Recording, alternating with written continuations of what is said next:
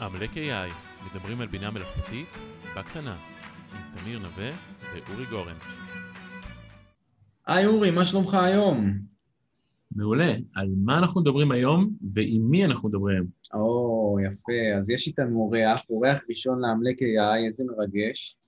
אה, פיטר, מה שלומך היום? אני מעולה, תודה, תודה.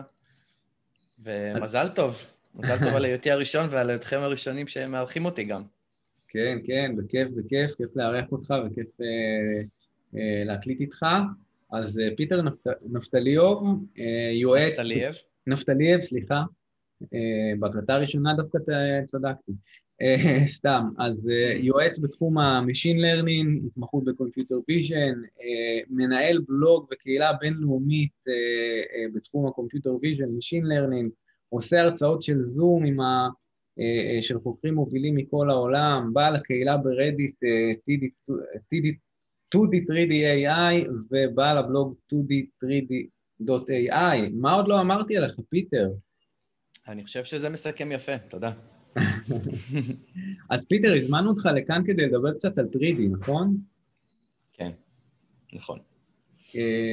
תגיד לי, בתור התחלה, זה בסך הכל קהילה, זה אומנם תחום רחב, אבל זה עדיין קהילה יחסית קטנה. למי שאנחנו פונים פה לאנשים מגוונים, אז, אז למה זה מעניין? או מה היישומים? או מה עושים בעולם ה-3D? תן לנו פה איזושהי חלוקה ממעוף הציפור. כן, אז הרבה פעמים זה נראה לנו שזה עולם שהוא מאוד נישתי, אבל בעצם כשמתחילים להסתכל לתוכו מבינים שהוא הוא לא כל כך נישתי כמו שחשבנו בהתחלה. השימושים מאוד מאוד מגוונים. אה, למשל, בתחום של הרובוטיקה, אה, שבו יש לנו רובוט שיש לו מצלמה או כל מיני אינפוטים אחרים שנותנים לו הבנה של המרחב, והרובוט צריך להבין איפה הוא נמצא יחסית, בעצמו יחסית למרחב הזה. מה איפה הוא שנקרא עומד. SLAM, נכון? simultaneous אה, עם הראשי תיבות האלה, simultaneous localization. localization mapping, כן, אוקיי. אמ, שבו בעצם, זה לא רק שרובוט צריך להבין איפה הוא עומד למשל בחדר, אלא זה גם לאיזה כיוון הוא מסתכל, ואיזה כיוון מסתכל יחסית לחדר, כן?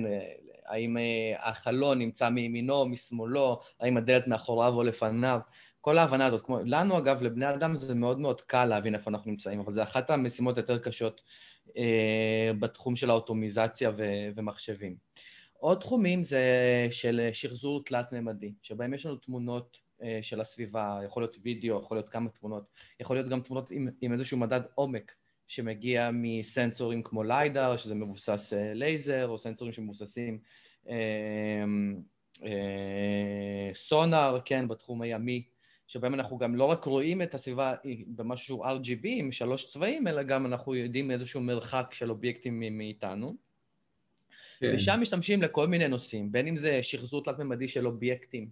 כן, אה, לדוגמה זה קורה הרבה עכשיו בתחום של האווירונאוטיקה, שבהם אה, מטוסים ישנים של הצבא האמריקאי, כבר אין להם חלקי חילוף או מסוקים, ואז אה, סורקים עם תמונות ועם מדד, עם, עם סנסורים של עומק את, ה, את אותם חלקים שעדיין קיימים, ומדפיסים בתלת מימד חלקים חדשים.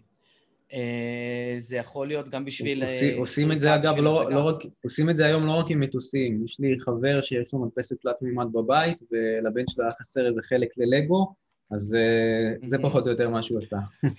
נכון, עושים את זה גם לא, אפילו לא רק בתחום הזה, אלא גם בתחום הרפואי. היום עושים סריקות בעזרת MRI, CT וגם רנטגן, ומשחזרים את המבנה התלת-ממדי של מה שקורה באנטומיה שלנו, בשביל כל מיני דברים, החל מהכנה לניתוח שבהם רופא רואה בצורה מדויקת את המבנה פנים ויודע לדעת איך להיכנס נכון ואיך לחתוך נכון ואיך לגשת, ועד ממש הדפסה של אובייקטים תלת-ממדיים מותאמים למנותח, שבהם הרופא מדפיס ממש איזשהו כלי שמכווין אותו תוך כדי הניתוח בתוך גוף האדם, הוא יודע בדיוק איך להיכנס נכון ואיך לחתוך נכון את החלקים, למשל לחתוך נכון גידול סרטני, ככה שהוא חותך רק את הסרטן ולא את הרקמה הבריאה מסביב. או בשביל הדפסה של חלקים שהם פרוטזות או תותבות או חלקי תמיכה בגוף, למשל זה קורה הרבה עכשיו בתחום של שיניים, הדפסה של שן חלופית, או בתחום של קיבועים למי שיש לו עקמת לגב, או לילדים קטנים שלמשל ראיתי הדפסה מאוד יפה של קסדה לילד מאוד קטן, בן שנתיים-שלוש, שהגולגולת שלו לא מתפתחת תקין, לא סימטרית, אז הדפיסו לו קסדה יהודית ככה שהיא מתקנת את הגדילה. מדהים. אז, אז זה, זה הכל, וזה הכל רק בשביל השחזור התלת-ממדי של אובייקטים, כן? איך לא, איך לא הזכרת את Kinect, אגב? כי זה קצת יותר ישן כבר, זה כבר משהו של פעם. כן, אה? עוד תחומים שקורים זה בהם בשחזור של לא רק של אובייקטים ספציפיים, אלא של חללים שלמים, למשל בחללי פנים, שבהם, אגב, יצא עכשיו iPad, iPod, לא iPod, סליחה, iPhone Pro 12, שיש לו גם סורק LiDAR בפנים. ואיתו אפשר כבר להתחיל ממש לשחזר מבנה שלם של חדר.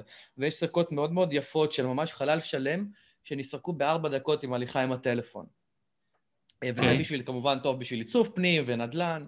שחזור אה, תלת-ממדי לרחובות, בשביל רכבים אוטונומיים לדוגמה, כשאתה רוצה לעשות סימולטורים לרכבים, ואחרי זה כשאתה רוצה גם שהרכב ייסע ברחוב ויבין מה קורה מסביבו, וידע מה קורה, וידע מה העומק של האובייקטים שהוא רואה, ומה הרוחב שלהם, ואיפה הם נכ... ומה המרחק שלהם מהרכב, כן? אז כל רגע, התחומים יש, האלה. יש בעצם את העניין של התמצאות, שזה הסלאם, יש את כל העניין כן. של הפארינג, של מצלמה במדפסת, של מידול וכדומה, שזה מה שדיברנו כ-3D reconstruction. מהמם. אז זה עדיין בתוך ה-3D reconstruction מה שאנחנו מדברים. לא, ו, ובנוסף אני אוסיף עוד איזשהו משהו יפה לתחום הזה, זה תחום של אמ, סריקות לוויין. כשלוויין מצלם, מצלם תוואי שטח, ואת זה אנחנו יכולים אחר כך להחליף למש, לאיזשהו מבנה תלת-ממדי של מפה. כן, זה אגב תחום אה, מאוד קלאסי שנקרא פוטוגרמטריה, שהציבו עוד מקרטוגרפיה של פעם. אז פיטר, אמ, אתה שכנעת אותנו שזה באמת עולם מגוון, מרתק, עם מלא יישומים. עכשיו בואו בוא נרד קצת לצדדים הטכניים. מה זה data בעולם ה-3D? כאילו, איך פיסת data data נראית? מה, מה, או מה מזינים לתוך ה-CNN במושגים שלנו? כן, אז בואו קודם כל נדבר על זה שהם על שלושה, אולי ארבעה ייצוגים ספציפיים למודלים תלת-ממדיים. הייצוג המאוד מאוד בסיסי שממנו תמיד מתחילים נקרא CAD. זה ייצוג שבעצם משתמשים בו לבנייה ומשתמשים בו ממש למידות תלת-ממדי ולהדפסה, ששם יש לנו אוסף של מבנים גיאומטריים, זה יכול להיות עיגול, זה יכול להיות כדור, זה יכול להיות ריבוע, קובייה, ואת החיבורים ביניהם. כשבחיבור יכול להיות לך מה שנקרא פילט, שזה איזשהו עידון של חיבור, איזשהו זווית ששמים עליה קצת, אה, זווית אה, ישרה, ששמים עליה קצת עיגול כדי שתהיה יותר יפה, כן? כמו שקורה עם רהיטים, ועוד כל מיני חיבורים בין המודלים, בין האובייקטים במודל. ובעצם אם כאן אנחנו יכולים לתאר כל מבנה של מודל שהוא. כאשר רק זה, אותן גם ש- צורות אה, גיאומטריות הן מוגדרות מראש? הן קבועות תמיד, או לכל קאד יש את הצורות שלו? לכל קאד יש את הצורות שלו, ממש אפשר להגדיר לכל קאד את הצורות שלו, את הפוליגונים שלו, את הצורות המעוקלות האישיות שלו. זה יכול להיות. איזשהו סוג של למשל צינור הקלקל שהגדרנו בצורה מאוד ספציפית. אמ, ו- וזה קאד. עכשיו, קאד זה בדרך כלל מה שממדלים, ומקאד אחר כך אפשר לייצר מודל להדפסה, זה בדרך כלל ייצוג שנקרא STL, זה מבנה של תלת מימד שבנוי להדפסה לשכבות, ומכאן אפשר לייצר גם כל מודל אחר, כי בכאן יש את כל האינפורמציה שצריך כדי לדעת על המבנה, את המבנה של המודל. אם נעשה זום אין, זום אאוט על קאד, אנחנו לא נראה שום שבירה, שום דבר שלא תקין, שמעבר למה שמראש רצינו שיקרה, כן? אם יש שבירה של זווית של 90 מעלות כי הגדרנו, אז היא תהיה, אבל אם יש עיגול, אז אנחנו נראה עיגול מושלם, לא משנה כמה זום אין נעשה. זה קאד. זה בעצם מודל, זה בעצם ייצוג שלא כל כך נוח להכניס אותו לרשת נוירונים. כן, כי זה בעצם ייצוג שיכול להיות אינסופי ב- ב- ברעיון, כן? אנחנו יכולים להגדיר כמה שאנחנו רוצים אה, מבנים תלת-ממדיים ודו-ממדיים ולהפוך אותם לתלת-ממדיים, ואת אז מה- החיבורים ביניהם באיזושהי צורה שנרצה. אז מה כן, מה עושים בפועל? יש מודלים... כן. ובגלל זה יש מודלים אחרים. אה, אחד מהמודלים היותר רווחיים נקרא מש, שבדרך כלל כשאנחנו מדברים על שחזור תלת-ממדי, עושים שחזור תלת-ממדי לתוך מש, אה, ומש זה מבנה של פוליגונים שמחוברים במרחב התלת-ממדי.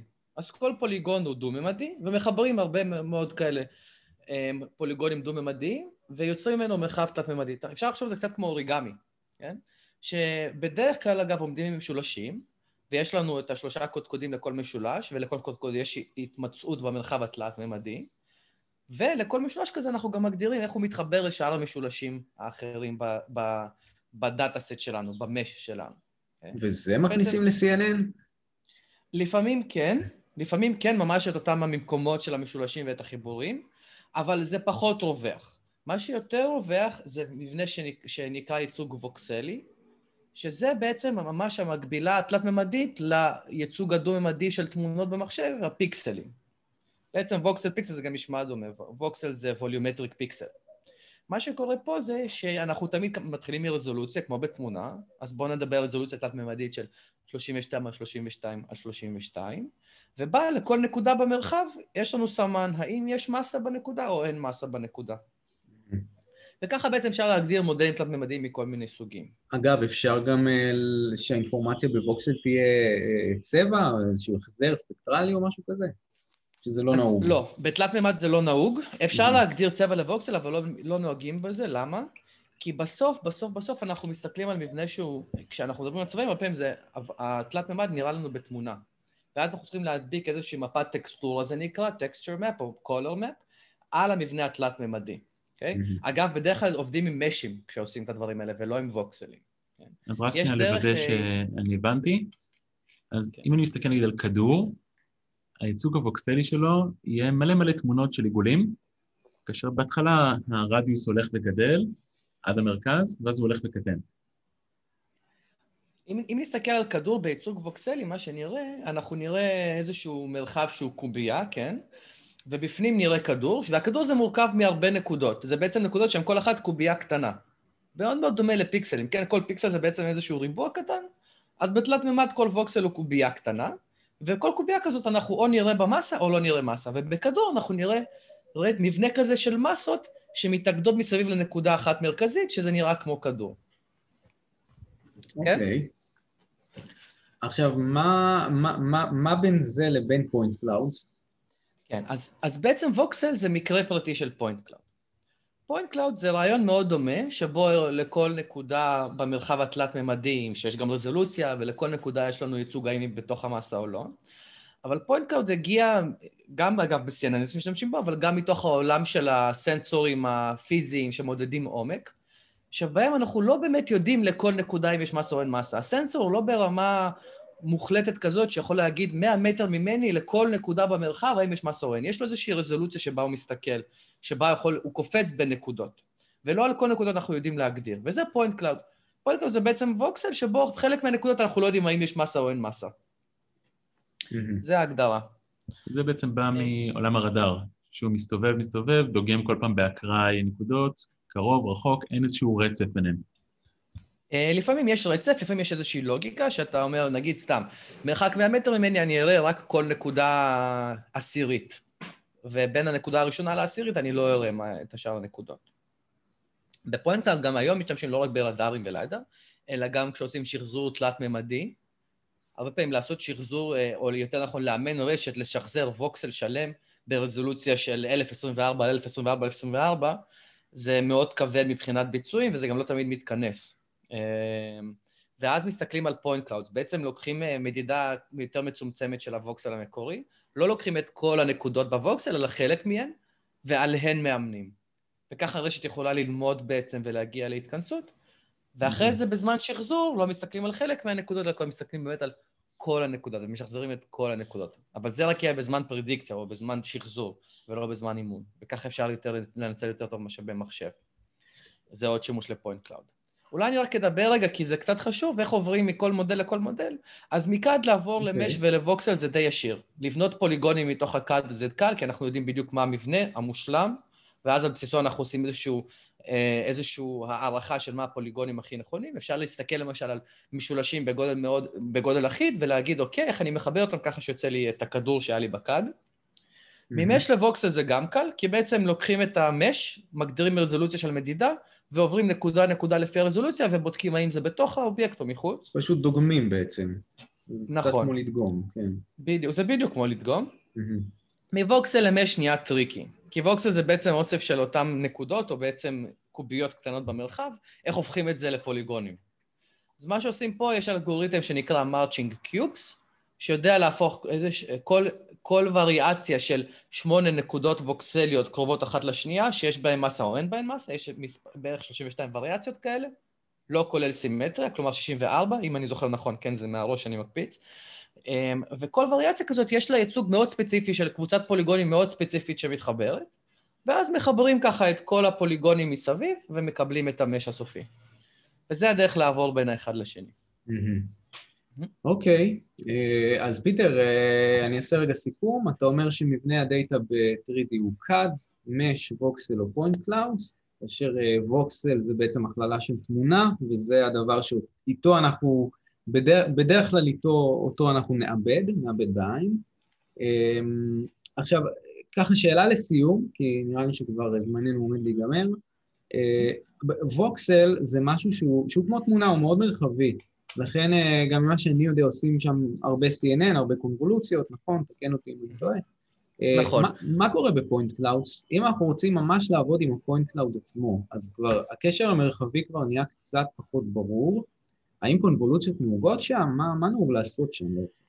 אז בעצם מה שקורה, בדרך כלל point cloud מגיע עם עוד אינפורמציה, נגיד RGB, תמונה. ואז השלב הראשון שמתחילים ממנו זה קודם כל מגדירים איזשהו אה, סגמנטציה בין הנקודות בתמונה לנקודות ב point cloud. ואז ברגע שיש לך את זה, אתה מנסה לעשות איזושהי... קודם כל, אתה מנסה להרחיב את ה point cloud למשהו שהוא קצת יותר רציף, שמשלים לך את המקומות החסרים, ואתה יכול להיעזר בתמונה. ואז ברגע שהשלמת, אגב, השלמה יכולה להיות מיצוע, כן? אתה אומר, יש לי שתי נקודות ב point cloud, המרחק משתינו כאן, המרחק מהראשונה הוא 10, המרחק מהשני הוא 20, אז זה באמצע 15. כן, אתה עושה איזושהי אינטרפולציה, משלים את המבנה וממשיך. כן? Um, עוד דרכים זה ממש לאמן על point cloud שהופך ל voxel. אתה יכול לקחת אינפוטים שהם point cloudים, לעשות עליהם קונבולוציה תלת-ממדית, כן? שיש לך חוסרים, mm. אבל אתה מחפש את ה output בסוף, שהוא גם כן עם קונבולוציה תלת-ממדית, כן? שהוא ווקסלי. ואז הרשת. יודעת לבנות את החוסרים. זה קצת דומה לתמונה שאולי יש לנו חוסרים בה, כן? שאתה יכול בכל מקרה להזין את התמונה. זאת אומרת, אתה אומר, אתה נותן את ה point cloud עם איזה mask של מה קיים, מה לא קיים. נכון. משהו כזה. נכון. מעניין. כן. אמ, אגב, ה point cloud, מה שיותר מעניין זה דווקא כשזה output של רשת, ואז שם... עוד פעם, זה, זה מעניין היום, במיוחד בהרבה מאוד מהרשתות שנראה, הם השתמשו ב point cloud כ output, בשביל ההקלה הזאת על, ה, על הביצועים. ב input בדרך כלל באמת אה, ה masking יפתור, או, או הסגמנטציה, או הקיפ, סליחה, לא הסגמנטציה, או החיבור בין הנקודות בתמונה ל point cloud, גם יעזור לנו כדי להבין מה קורה. פיטר, היה מרתק. המון תודה. ואנחנו מקווים שיהיו עוד הרבה אורחים טובים כמוך בהמשך. בהחלט. אתה לכם. רוצה להגיד עוד משהו לסיום? אה, כן, אני אגיד אה, תודה, תודה שאירחתם אותי, אני בהצלחה עם הפודקאסט, אה, אני מקווה שיגדל ובאמת יגיעו עוד ועוד אורחים, זה יוזמות מבורכות תמיד. וזהו, סחטיין. יופי, אחלה, ואני מזמין את כולם אה, להיכנס לבלוג, ל-2D to 3D, לעמוד רדיט שלך, באמת אה, אחלה קהילה בנית שם. אה, זהו, תודה שהאזנתם, שיהיה שבוע טוב לכולנו. תודה חבר'ה.